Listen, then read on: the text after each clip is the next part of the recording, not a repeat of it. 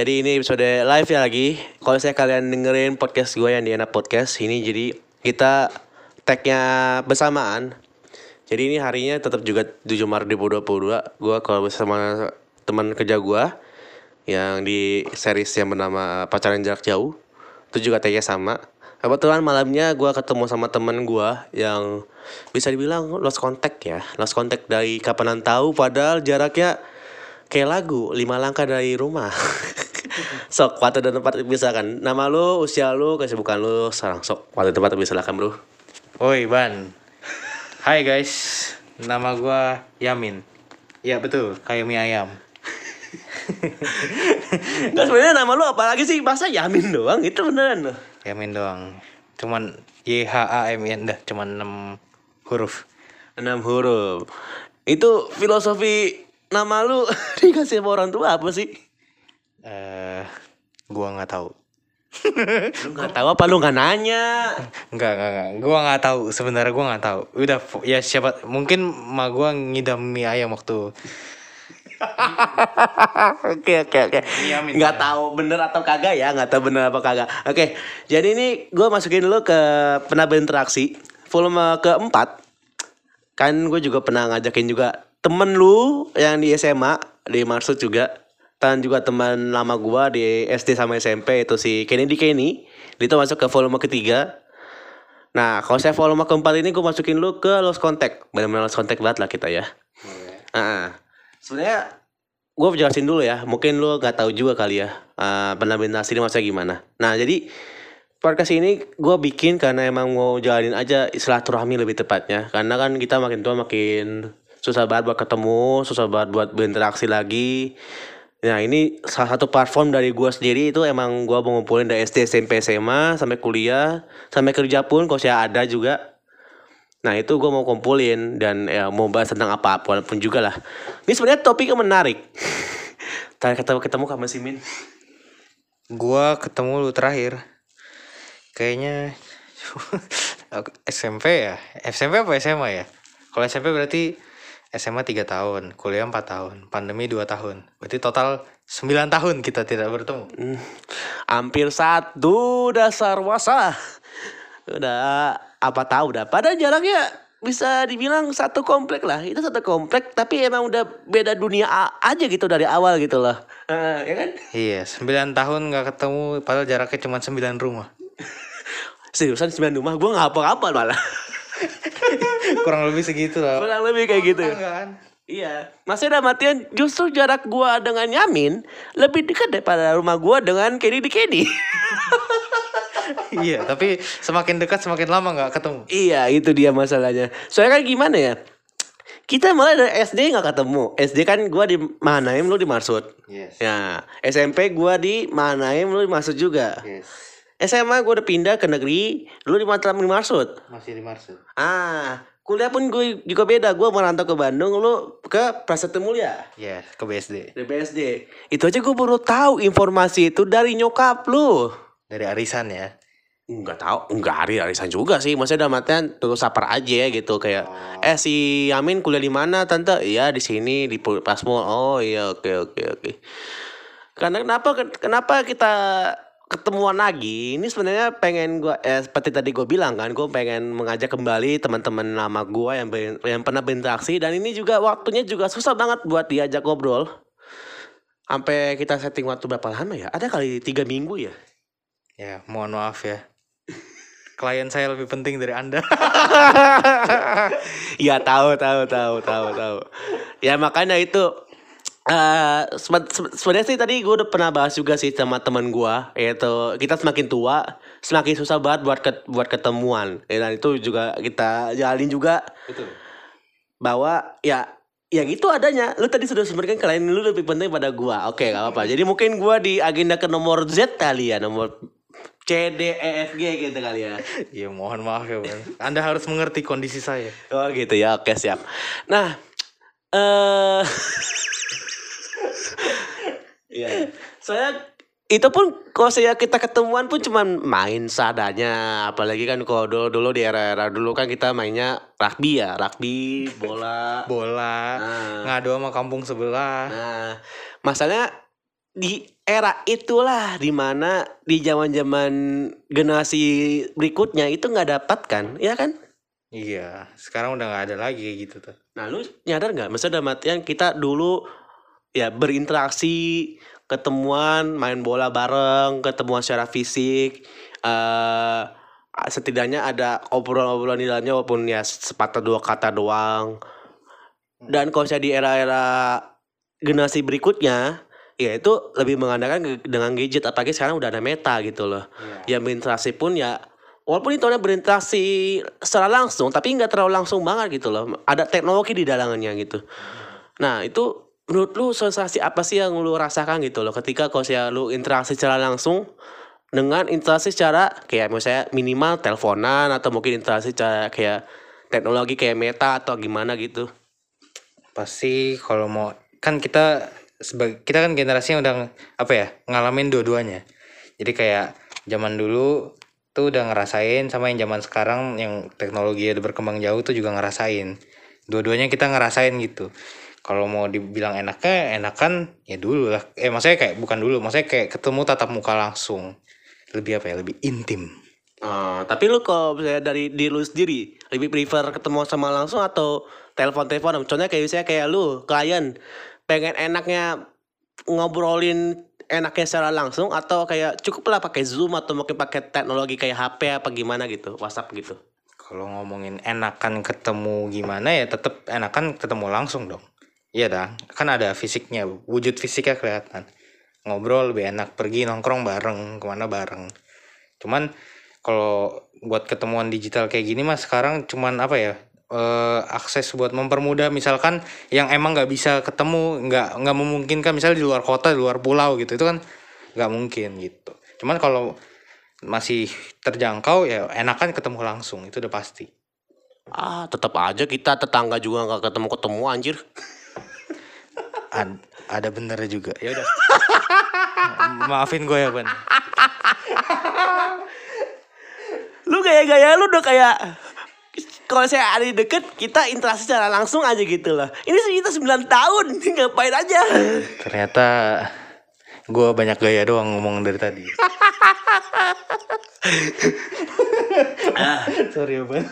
Bahasanya diplomatis banget padahal mah di, di- cara lingkup tetangga aja 9 tahun gak ketemu. Ya ilah, masa ya gue tahu kehidupan lu dari nyokap lu sih?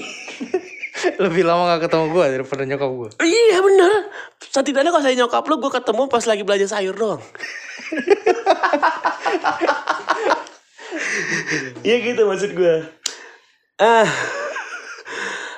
Oke, nah kalau misalnya tadi lu sebelum jelasin lagi lu kegiatan lu ngapain? Kegiatan gue sekarang ngapain ya Lah, mana gue tahu anjir. kegiatan gue sekarang apa ya bisa dibilang membantu orang lain anjay Nah, itu pembantu orang lain itu gimana tuh? hmm, ini langsung nih apa Ya kan soalnya gini loh, kan setidaknya kan tujuan dari podcast ini kan gue pengen memperbaharui informasi tentang orang tersebut gitu loh. Oh. Kita udah lost contact 9 tahun. Oke lah, minimal gue taunya itu lu hanya tok sampai kelar kuliah di Prasetya Mulia. oke oke Nah untuk kegiatan berikutnya kan gue nggak tahu nih. Nah sok. T- kalau habis lulus gue sebenarnya bantuin orang tua ada toko toko sembako Hmm. cuman eh, maksudnya gue pegang bagian online ya sekarang digital cuman udah nggak lagi sekarang kerjaan gue adalah pengacara Pengangguran banyak acara. anda benar ah lu gue mau ngomong Mohon maaf itu bahasa-bahasa basi itu. nah, nah, tadi kan tadi lu sempat bilang klien sama bantu banyak orang. Itu udah dua kata kunci yang gue bisa pegang. Ya pekerjaan lu itu termasuk penting juga. Nah, pekerjaan apa sih yang lu jalanin ini sekarang? penting lah sekarang gue eh, apa ya kayak istilah banting setir tiba-tiba eh, gue terjun jadi agent asuransi Hmm, ya kan gue juga pernah bahas juga tuh sama teman gue di seri yang di volume kedua bahwa terkadang kalau kita kuliah itu terkadang ada juga sesi di mana bantu setirnya juga kayak gue nih gue kuliah di pariwisata tapi pekerjaan gue sekarang di dunia kesehatan Banding setir banget kan? Banding setir. Banding setir banget. Walaupun hitungannya ada ilmu-ilmu dari pariwisata itulah yang gue terapkan di pekerjaan gue sekarang ini. Hmm.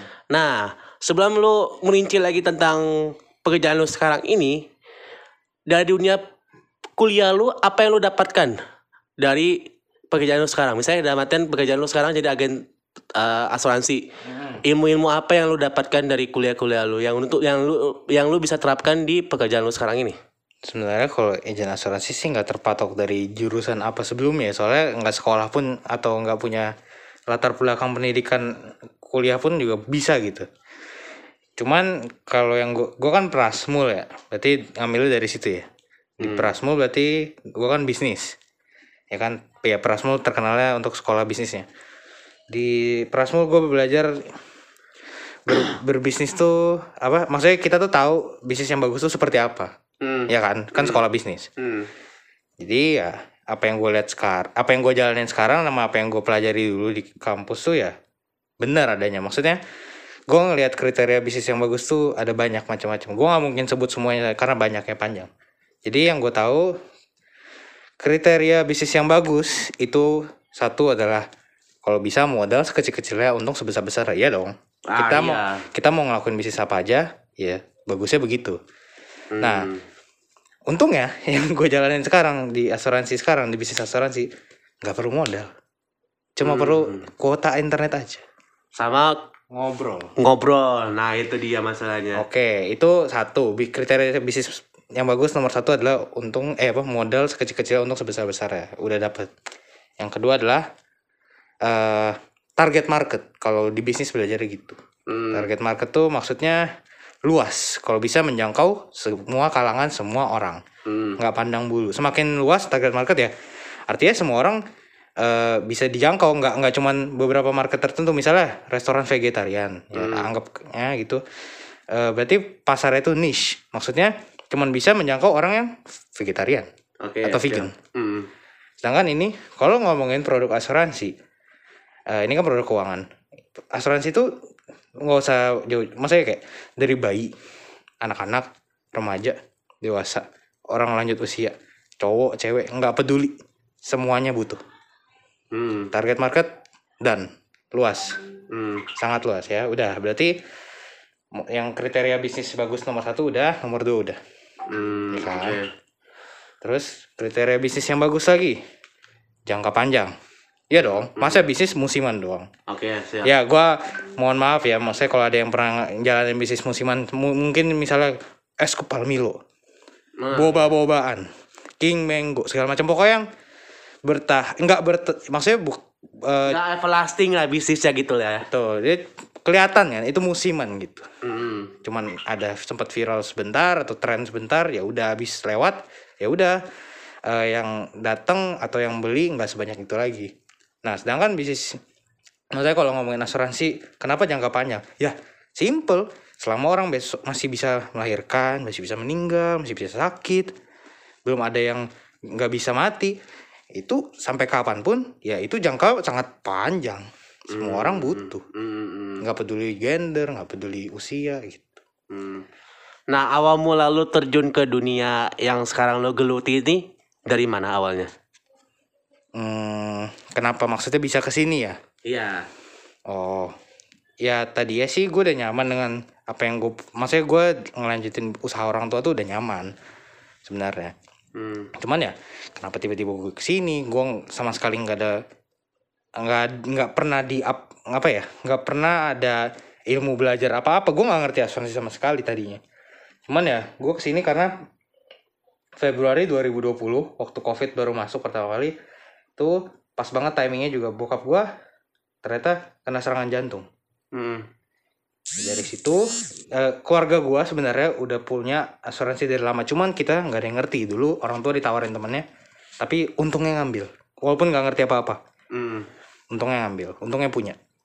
Jadi waktu waktu lagi kena serangan jantung ya udah eh, gua kan ngurus administrasi kan sama temen jagain jenguk bokap.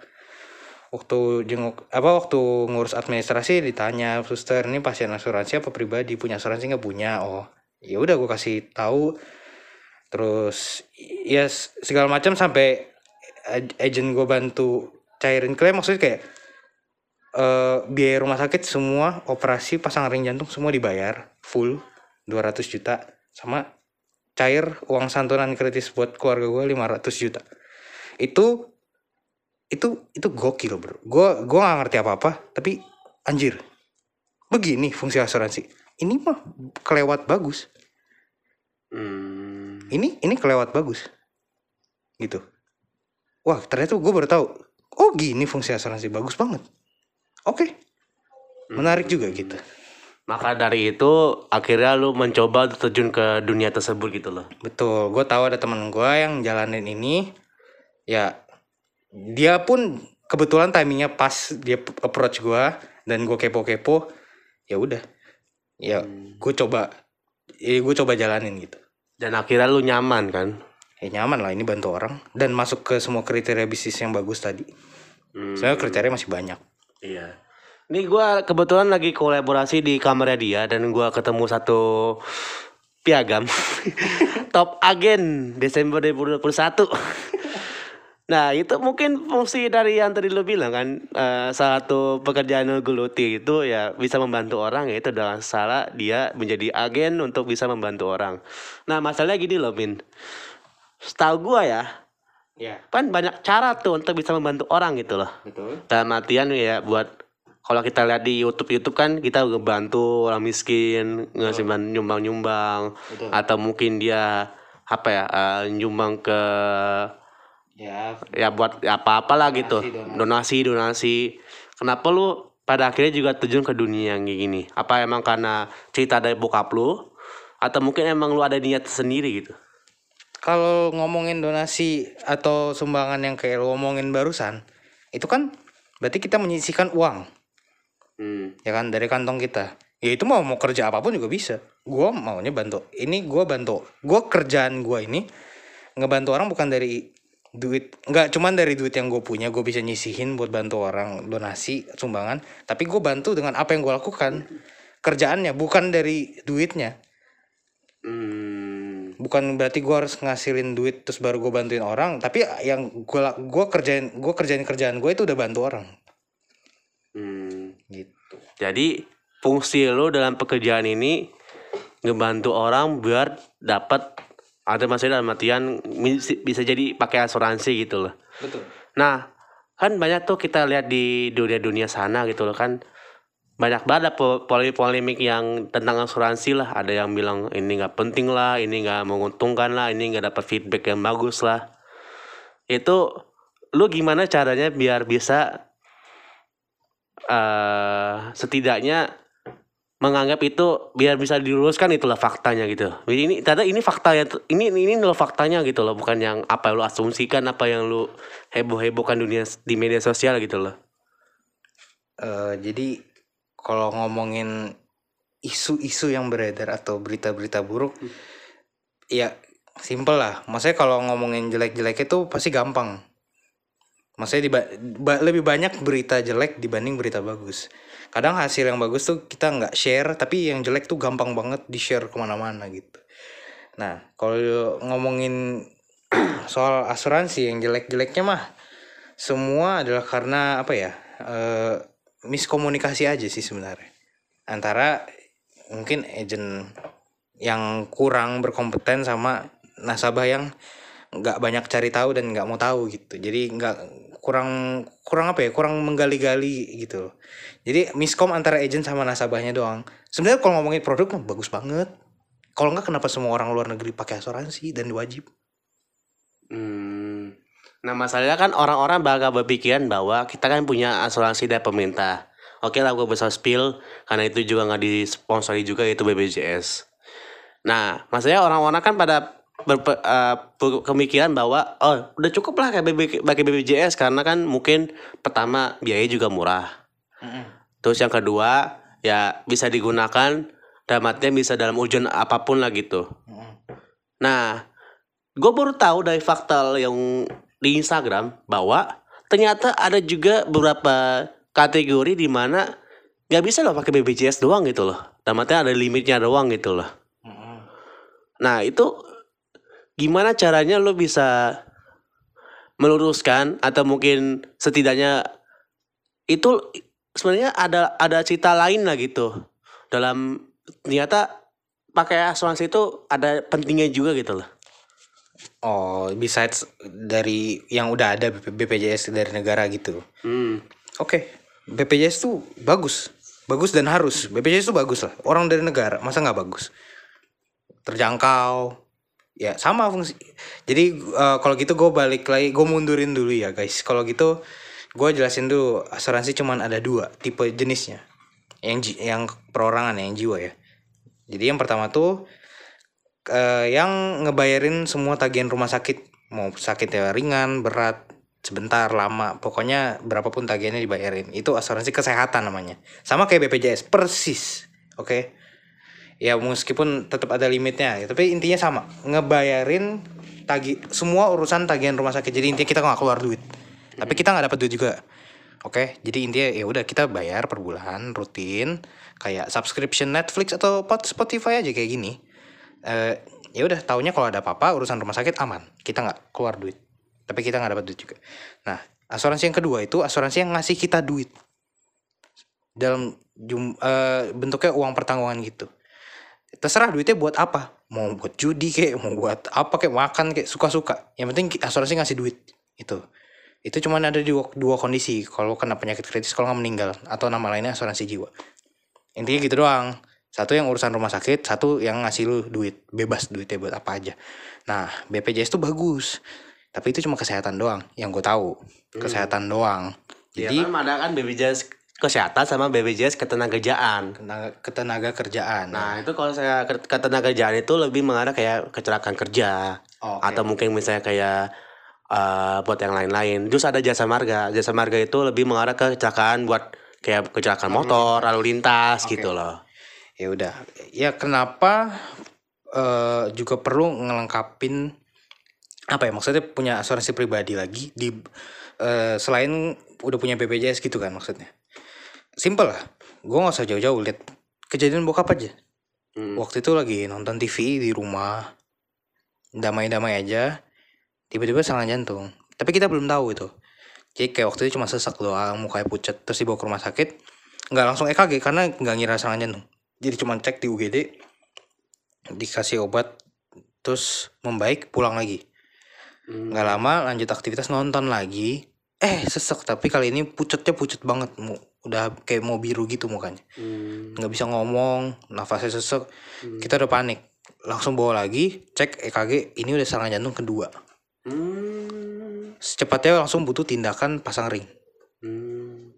kalau gue pakai BPJS yang gue udah tahu sistemnya itu maksudnya eh, sorry itu saya maksudnya gimana ya? Eh, harus ke vaskes dulu dirujuk maksudnya nggak bisa milih rumah sakit langsung nggak bisa penang ya penanganan kan tergantung ya ada di mana di rumah sakitnya nggak pokoknya nggak bisa milih dokter juga nggak bisa milih Hmm. Jangan kalau gua gua udah tahu gue punya asuransi pribadi, Hmm. gua langsung aja bawa ke rumah sakit terdekat, Hmm. terbaik, ya, cepet. Yang penting penanganan cepet, cepet ditanganin, udah Hmm. gitu. Iya, Untuk kondisi urgent kayak gitu, ya bagus gitu punya untuk punya asuransi pribadi lagi gitu. Iya. Nah, sebelum kita rinci lagi ke apa yang lu tadi udah bahas, pengen tahu dong, sebenarnya bokap lu itu ada riwayat medis apa gitu loh? Nggak ada. Kalau sama sekali kayak misalnya kayak asam asam urat atau kolesterol Enggak, atau apa? enggak ada. Lu tahu nggak? Lu sering, lu kan, lu sering keluar kan tiap pagi kan, Iya. kerja kan? Ah. Sering lihat bokap gue jalan pagi nggak? Di depan rumah. Intinya dia rajin. Ya, dia rajin jalan. Oke, rajin jalan. Olahraga seminggu sekali, badminton. Ternyata gara-gara makanan, guys. Cuma gara-gara itu doang. Makanan dia lebih banyak ke lemak berarti. Lemak dan gula. Oh, gitu. Dia berarti sepanjang hidupnya sebelum kena penyakit yang jantung ini, dia nggak pernah kontrol. Enggak ada, sehat-sehat aja, baik-baik aja. Maksudnya setidaknya kan kalau saya ini kan dunia dunia gue ya. Jadi biasanya kalau ada orang orang lansia mau bisa mau berobat, mau bisa cek cek apa dong, cek ke lab dong, itu mau bisa Check up kan? kolesterol, Iya. darah, darah tinggi, asam urat gitu-gitu. Nah, muka lu belum pernah sama sekali.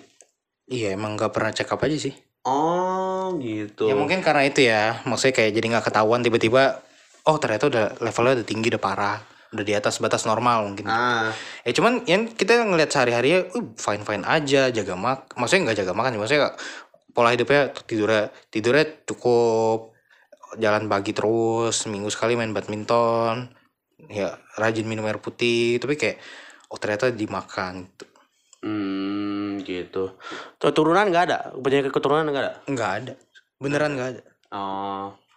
Nah, yang tadi lu sempat usut juga bahwa emang kayak gitu juga sih. Makanya itulah yang apa ya bisa dibilang ya. Gue sebagai yang bekerja di dunia kesehatan, ya kalau saya bagi rekan-rekan penabintasi gue yang yang dengar episode ini dan gua ta- dan tahu pekerjaan gue di dunia nyata apa, pasti tahu apa yang gua maksud inilah. Maksudnya dalam artinya misalnya kayak kita nih, kita mau berobat, kita berobat ke tempat kita mau berobat bukan di klinik tapi teman bukan di klinik bukan di rumah sakit. Nah itu pasti udah kalian tahu lah apa apa dunianya. Nah kita ke tempat itu kita mau minta rujukan nah minta rujukan itu kan harus ke dokternya setidaknya bawa dulu pasiennya walaupun itu dia udah masuk ke IGD rumah sakit terdekat Nah, udah bisa tuh. Kalau saya bener-bener urgent banget ya. Tapi untuk kontrol berikutnya, kontrol kedua itu harus pakai rujukan. Nah, rujukannya itu kalau saya ada matian nih, misalnya kayak lu bawa bokap lu ke rumah sakit yang bisa dibilang menurut lu high lah. oke Nah, itu ternyata tipe rumah sakit, rumah sakit itu tipe bukan tipe C, tipe B. Jadi harus dulu bawa pasiennya ke dokternya, apalagi baru-baru banget nih yang belum pernah dicek di belum ada di eh, tempat itu rekom, resume medisnya. Belum pernah dicek sama sekali sama dokternya. Pasti bawa dong pasiennya kan. Dan akhirnya ke dokternya buat dicek gimana gimana gimana dari tinggi badan berat badan sama tensi ya. Dicek juga sama dokternya dan dapatlah kerujukan.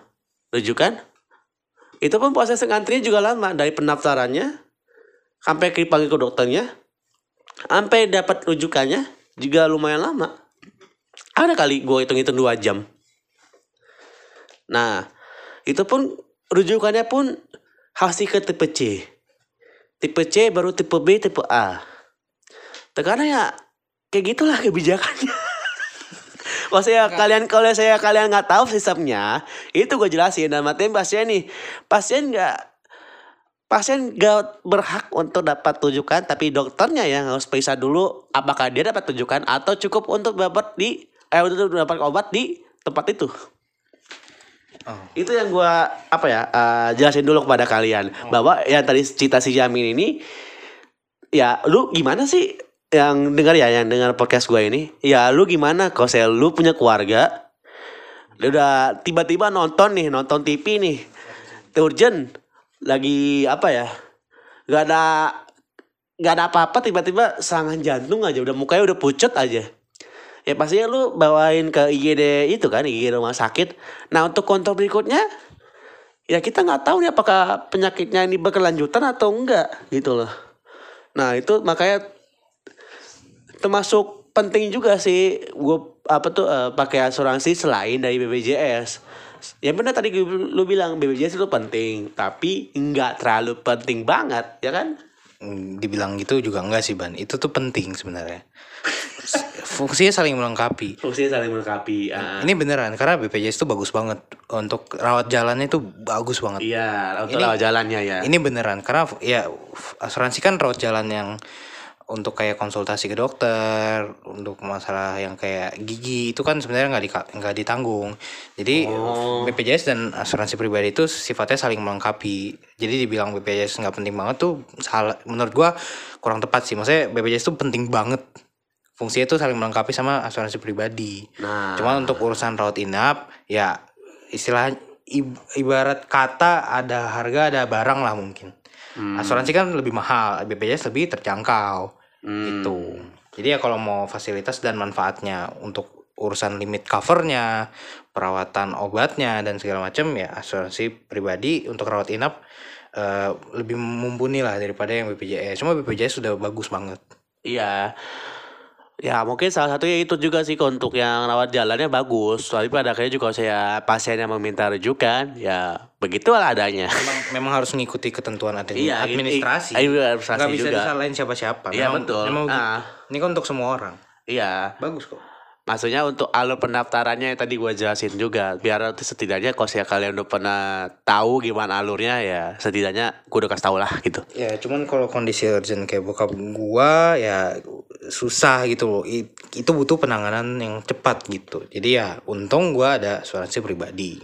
Nah itu asuransi pribadi lalu itu nge-cover penyakit apa aja? Segala jenis penyakit dong. Yang gigi?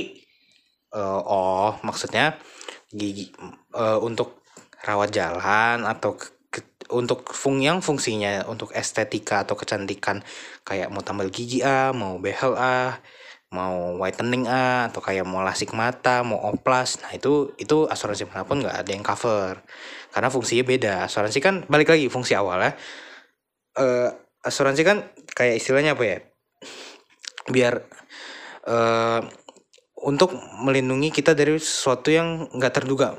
Melindungi duit kita dari sesuatu yang nggak terduga.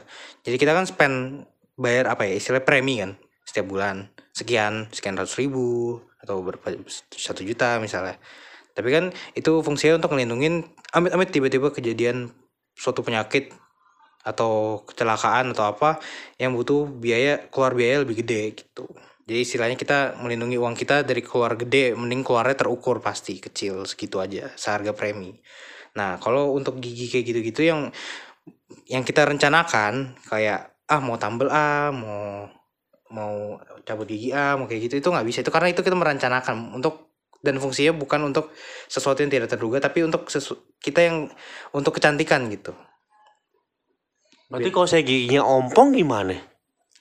balik lagi urusan cover apa nggak cover itu tergantung dari penyebabnya. Misalnya penyebabnya kecelakaan jatuh kepentok giginya retak butuh operasi itu di cover. Tapi kalau kayak untuk ya mutihin gigi gitu itu kan sebenarnya ya bisa dibilang eh, ada salahnya di kita juga. Maksudnya kenapa kita nggak mungkin kita jag- makannya yang aneh-aneh ngerokok terus sikat giginya kurang rajin ya kayak gitu. Nggak ngerawat dengan baik gitu. Sama fungsinya kayak kehamilan.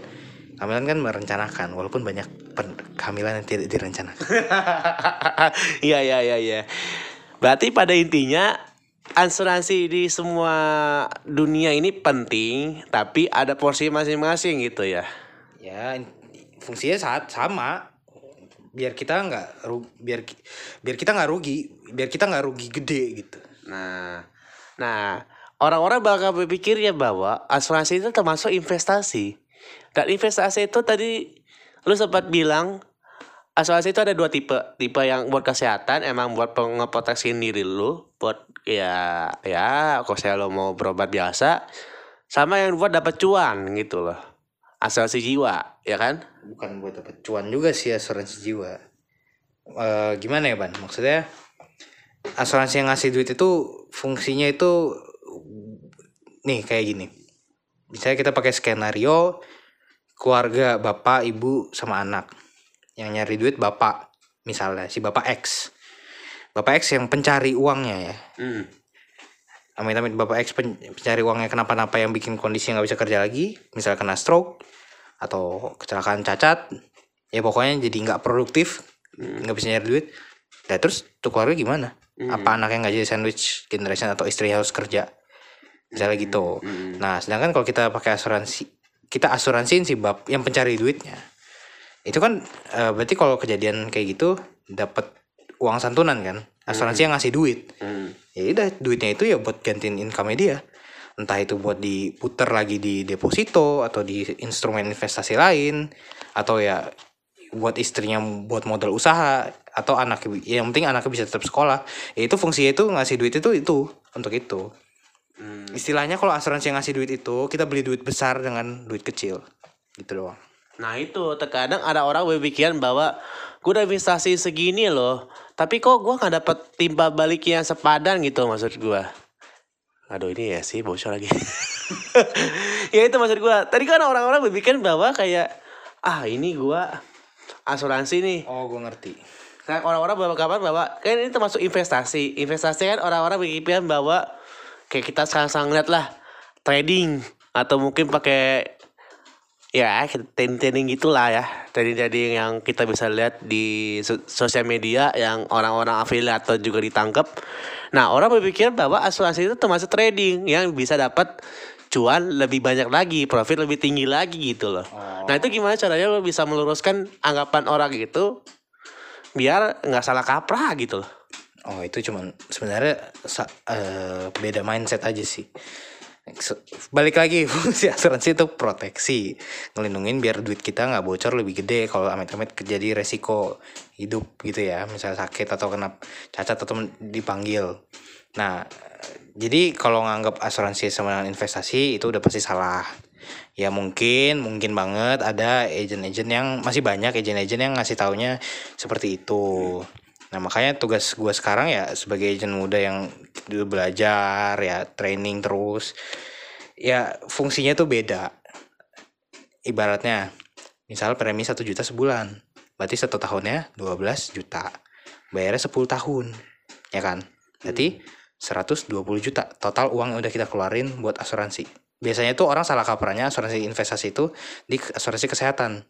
Padahal asuransi kesehatan tuh duit hilang. Pure kayak bayar Spotify. Subscription Netflix Spotify kayak gitu. Duit hilang aja duit hilang. Kepake nggak kepake ya udah kita keluar duit segitu. Ibaratnya gini eh, kita udah buang kita udah bukan buang kita udah bayar 120 juta selama 10 tahun kan? Premi 1 juta sebulan.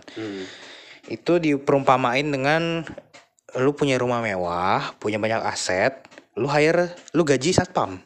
Ya lu sewa satpam buat jagain rumah. Ada apa-apa dia bakal ganti rugi senilai ke yang kehilangan. Misalnya kehilangan, kehilangan motor 30 juta bapak sih nggak jagain rumah yang benar. Ya udah saya ganti deh. Saya ganti rugi maksudnya kayak gitu. Dia tanggung jawab gantiin. Berarti eh kehilangan motor diganti rugi 30 juta. Kehilangan TV diganti ya berapa. Kerusakan apa diganti berapa. Itu fungsi asuransi kesehatan. Tapi kita gaji terus si satpam kan? Bener satu juta per bulan sampai 10 tahun. Nah kalau 10 tahun puji Tuhan ya sehat-sehat nggak terjadi apa-apa masa iya? Pak thank you ya udah jagain rumah kita selama 10 tahun ya udah sekarang kan rumah saya nggak kenapa-napa. Balikin dong 120 juta ya gaji bapak. Masa kayak gitu? Kan nggak mungkin. Nah itu balapan orang bahwa ya tadi lu sempat bilang kan kalau saya kita berlangganan Spotify kan kita men- menikmati fasilitas dari Spotify tersebut. Lo eh kita bahas subscription buat yang Netflix atau mungkin berlangganan buat YouTube Premium itu kan kita menggunakan fasilitas fasilitas tersebut gitu loh. Nah ya bener tadi lu bilang sih bahwa it, ibaratkan asuransi itu kayak sapam. Ya kita kalau saya nggak ada apa-apa ya udah. Ya itu anak anggun sendiri aja gitu loh. Ya, jangan berharap kepake. Kalau kepake berarti kita pengen kita sakit. Pasti banyak orang juga yang beranggapan bahwa kalau punya asuransi berarti ngarepin sakit. Ya enggak. Lu punya asuransi sama punya enggak juga nggak ngaruh. Ya sakit ya sakit aja. Nggak ada hubungannya lu punya asuransi apa enggak nggak ada jimat. Nggak ada hubungannya. Lah buktinya bokap gua gua kira sehat-sehat aja itu bisa kena juga toh. Tapi untung punya dulu gitu Dan itu pun bokap lo punyanya dari usia berapa tahun? kebetulan kita ngambil udah dari 2006 sih walaupun kita nggak ngerti apa apa ya kita bayar terus Bayar terus walaupun hitungannya ya dalam ya puji Tuhannya gak, jadi- gak terjadi apa-apa gitu loh. Iya, kit- ya mendingan punya asuransi tapi nggak kepake daripada pas mau banget pakai nggak punya. Mendingan punya tapi nggak kepake daripada nggak punya tapi waktu mau pakai eh waktu tapi kalau mau kepake tiba-tiba kita nggak punya. Iya, maksudnya ya gitu tadi gue bilang banyak isu-isu banyak orang-orang mengatakan bahwa ya udahlah kita masih ada penyakit ini loh. Kita ada bencana, ada ada bencana kayak kena corona atau mungkin kena sampai sesak napas. Kalau di era-era dulu kan corona kan sampai masuk ICU, sampai masuk ventilator gitu-gitu. Kalau sekarang untungnya karena vaksin ini jadi setidaknya kena sih kena, tapi untuk gejalanya nggak terlalu berat-berat banget sampai masuk rumah sakit, masuk ICU gitu dan bla bla bla bla gitu. Nah orang-orang beranggapan bahwa justru itulah di saat itulah kita harus pakai asuransi, kita harus menggunakan fasilitas as- asuransi. Nah itu gimana tanggapan lu? Gimana? Maksudnya eh maksud lu itu coba boleh diulang lagi nggak? Ya ilah. Maksudnya orang-orang menganggapan bahwa ngapain sih lu punya asuransi? Lu masih sehat-sehat aja. Mendingan nanti kita mendingan pakai pas lu udah sakit aja gitu loh. baru baru bikin pas Baru bikin pas lu sakit aja gitu loh. Oh, sebenarnya waktu paling baik buat punya asuransi ya sebelum kita sakit. Tapi ya balik lagi, kapan kita tahu kita sakit. Dan kalau udah sakit atau udah ada riwayat, udah kenapa-napa baru mau bikin itu pasti eh, antara nggak bisa sama eh, antara nggak bisa, maksudnya ditolak atau enggak ya sulit. Maksudnya ada ngelewatin check up dulu gitu loh. Ya perusahaan nih simple dibalik aja. Lu punya perusahaan asuransi mobil deh. Hmm. punya perusahaan asuransi mobil. Gua nabrak dulu. Terus gua baru datang ke lu. Oi gue beli asur gue bikin asuransi mobil deh sama lu. Terus ya udah gue gue bayar ya misal setahun misalnya 5 juta. Nih benerin kema- tadi gue habis baru banget tadi habis nabrak. Ya cover ya 20 juta. Lu sebagai perusahaan mau terima nggak? Iya sih. Iya sih. Maksudnya dalam artian setidaknya biar membuktikan apakah asuransi itu kita pakai atau enggak gitu loh. Ini bermanfaat bagi kita atau enggak gitu loh. ya sangat bermanfaat dong Ya kan kita harus perlu bukti dulu. Misalnya kayak lu kan lu bilang kan bahwa kita sering juga buat subscription buat Spotify. Tapi kita juga mema- memakai fasilitas tersebut kan. Ini kita ngasuransiin tapi kita nggak pakai fasil- fasilitas tersebut gitu loh. Ya kalau mau pakai gampang ban, kenapa-napa aja. ya nggak usah lah, jangan kepake. Ini kan jaga-jaga. Ini beli rasa nyam, rasa aman gitu loh istilahnya. Dengan kita membayar premi terus, asuransi kita aktif terus, itu kita membeli rasa aman. Jadi nggak usah khawatir urusan tagihan rumah sakit bakal berapa. Kalau kita kenapa-napa ya jangan sampai kenapa-napa. Cuma beli rasa amannya aja. Hmm. Tetap bukan jimat. Kita punya asuransi bukan berarti kita nggak bak- bakal kebal penyakit tertentu enggak. Sama resikonya buat semua orang. Cuma ya kalau amit-amit kejadian di kita tapi kita udah punya ya kita nggak usah pusingin biaya rumah sakit kan biaya rumah sakit itu mahal guys. Rata-rata berapa sih? itu tergantung penyakitnya lah. Kalau pun kalau saya pahit-pahitnya kayak kan ini kita pakai contohnya pakai bokap lu lah ya. Kalau saya bokap lu kemarin dirawat kalau kalau misalnya nggak pakai asuransi kena berapa?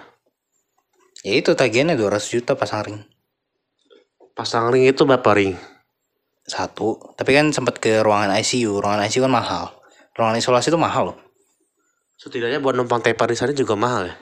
mahal anjir Nggak total totalnya berapa? Kan itu tadi pasangnya 2 juta. Total totalnya berapa? itu 200 Oh, udah, itu udah total udah total Udah total itu. Udah total. Oh, gue kira cuma pasang doang 2 juta ya. eh ya sama infus pengobatan obat-obat dokter spesialis kamar rumah sakit biaya ambulan sama kontrol ya itu semua udah ban Itu nggak kasarnya aja ya tapi kasarnya aja.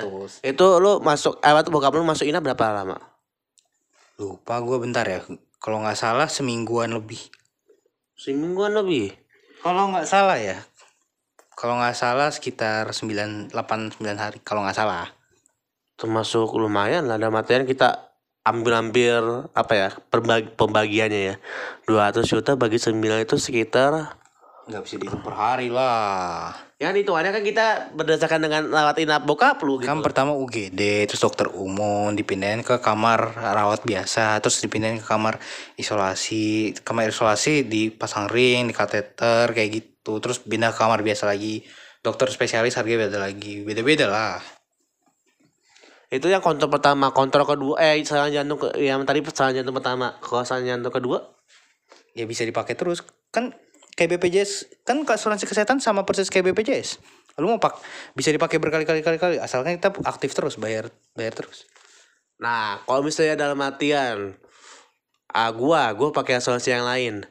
Itu baru bisa digunain itu atau mungkin ada batasnya. Misalnya dalam artian gua premi berapa bulan lu harus bayarin dulu itu.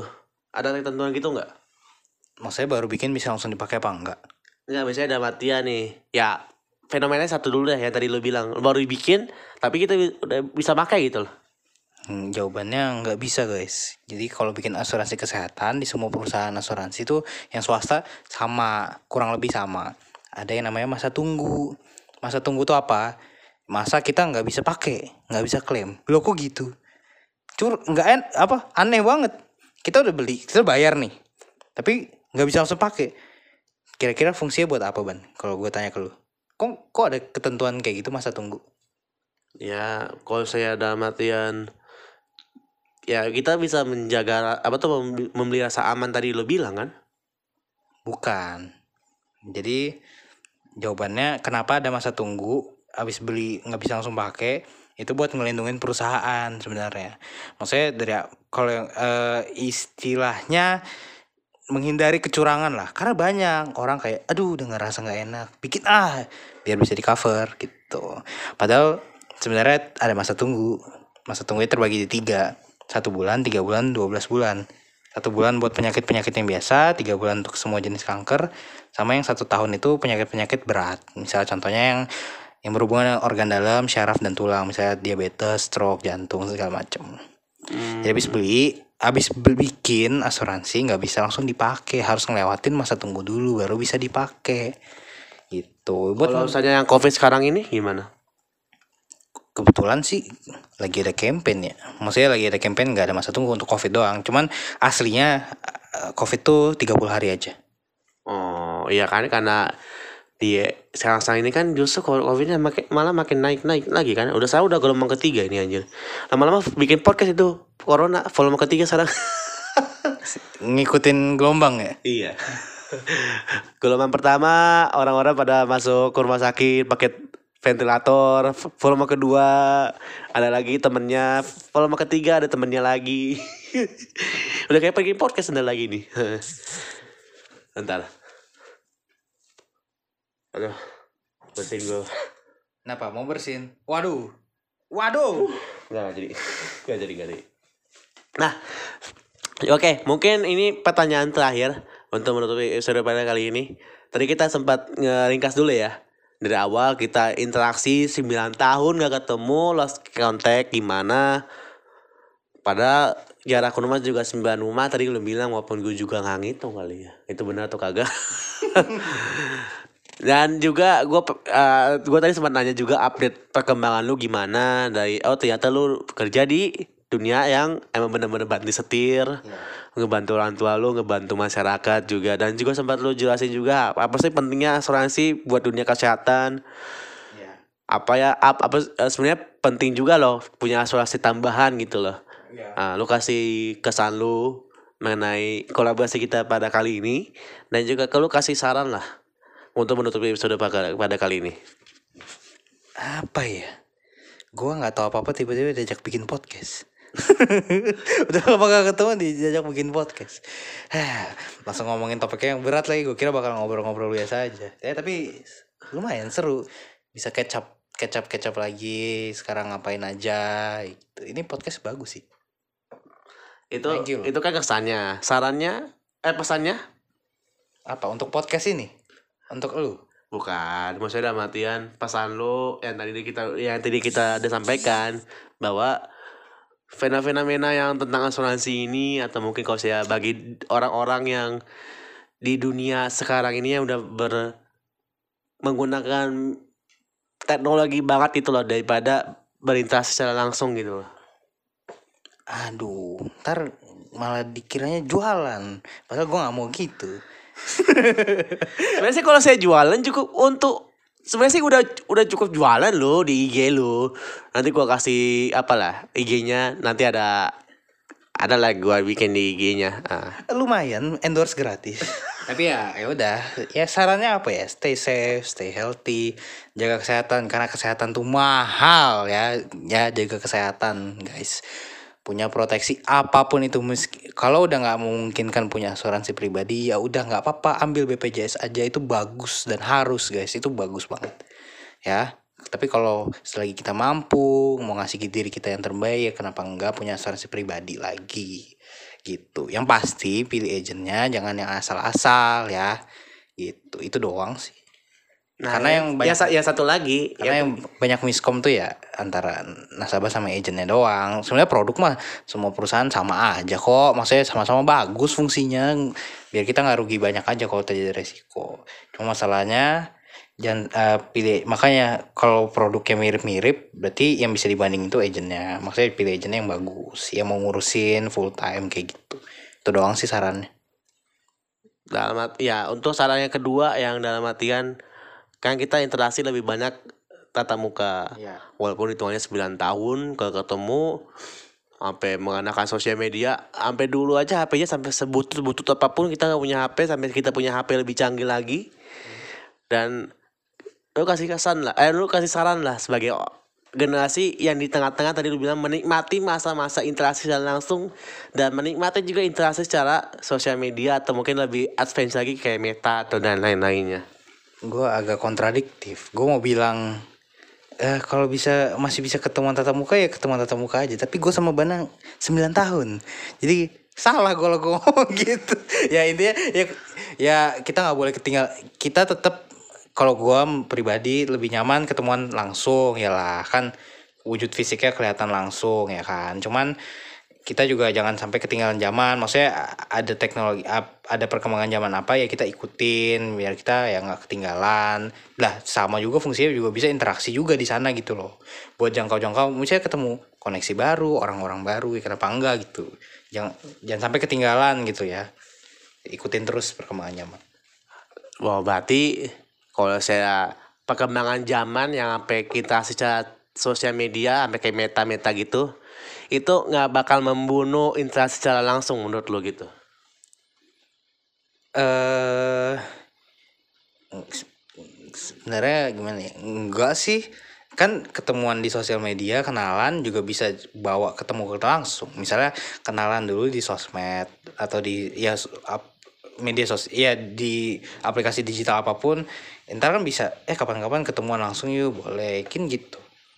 Bisa Kalau saya dia no lab atau answers lebih prefer lebih ke media sosial gitu. ya nggak apa-apa juga ya yang penting dia nyamannya gimana ya udah nggak apa-apa kok Berarti tergantung orang-orang masing-masing kan, prefer masing-masing gimana. Iya, Pada akhirnya juga tidak bisa membunuh ketu- ketemuan secara langsung ya. Enggak, nggak mungkin. Nggak Itu udah pas. Semakin tinggi teknologi, semakin interaksi kita makin jalan. Dan thank you Yamin atas satunya. Sama-sama, Bro. 9 tahun. Ini bu, di konten is butuh 9 tahun ini biar bisa rilis. Ya udah, see you in next nine years. Anjir. 9 tahun lagi anjir. Ya udah, pokoknya pokoknya eh, nah, puh. Ntar kita ketemu udah punya anak masing-masing. Anjir lama banget anjir. Nih sekarang gini deh, kita usia 25 tahun. Eh, 24, 24. apaan lu tahun ini? 24. Lu Gua 97? 8, 18 hari lagi baru 25. Alah. Ya, kan kita kan rilisnya pas ulang tahun lu kali mungkin. Wadaw. eh ulang tahun kapan sih? jangan ah, jangan. Oke oke. Bulan ini, bulan. Bulan ini, oke, udah spill ya bulan ini. Maksudnya dalam artian eh kita usia 25 tahun nih, udah genap 25 tahun. Quarter life crisis. Quarter life crisis. Dan tambah 9 tahun lagi, 34. Masa butuh waktu 34 tahun lagi buat Kan, bisa. kan tadi lu yang ngomong buat konten ini butuh 9 tahun. Berarti Bukan konten untuk- selanjutnya 9 tahun lagi. Bukan episode kedua, bukan. Masa ya episode kedua kita mau bahas tentang anak-anak sama bahas tentang gimana kehidupan anak-anak anjir. Gak apa-apa. Terus gua 9 tahun. Anjir. gua pas itu pernah lihat kon gua, gua pas itu pernah lihat ada salah satu restoran itu pun di booking ya kita harus makannya lebih lama lagi. Misalnya dalam arti kita booking tahun ini kita makannya bisa tahun bisa di lima tahun kemudian atau 9 tahun kemudian gitu loh. Karena bahan bakunya juga kurang di sana gitu. Berarti gue spesial 9 tahun. bukan spesial lu sibuk. Sibuk sibuk sibuk sibuk. Oke bikin merupakan episode pada kali ini. Sampai jumpa di episode berikutnya. Dadah, sampai jumpa. Bye guys.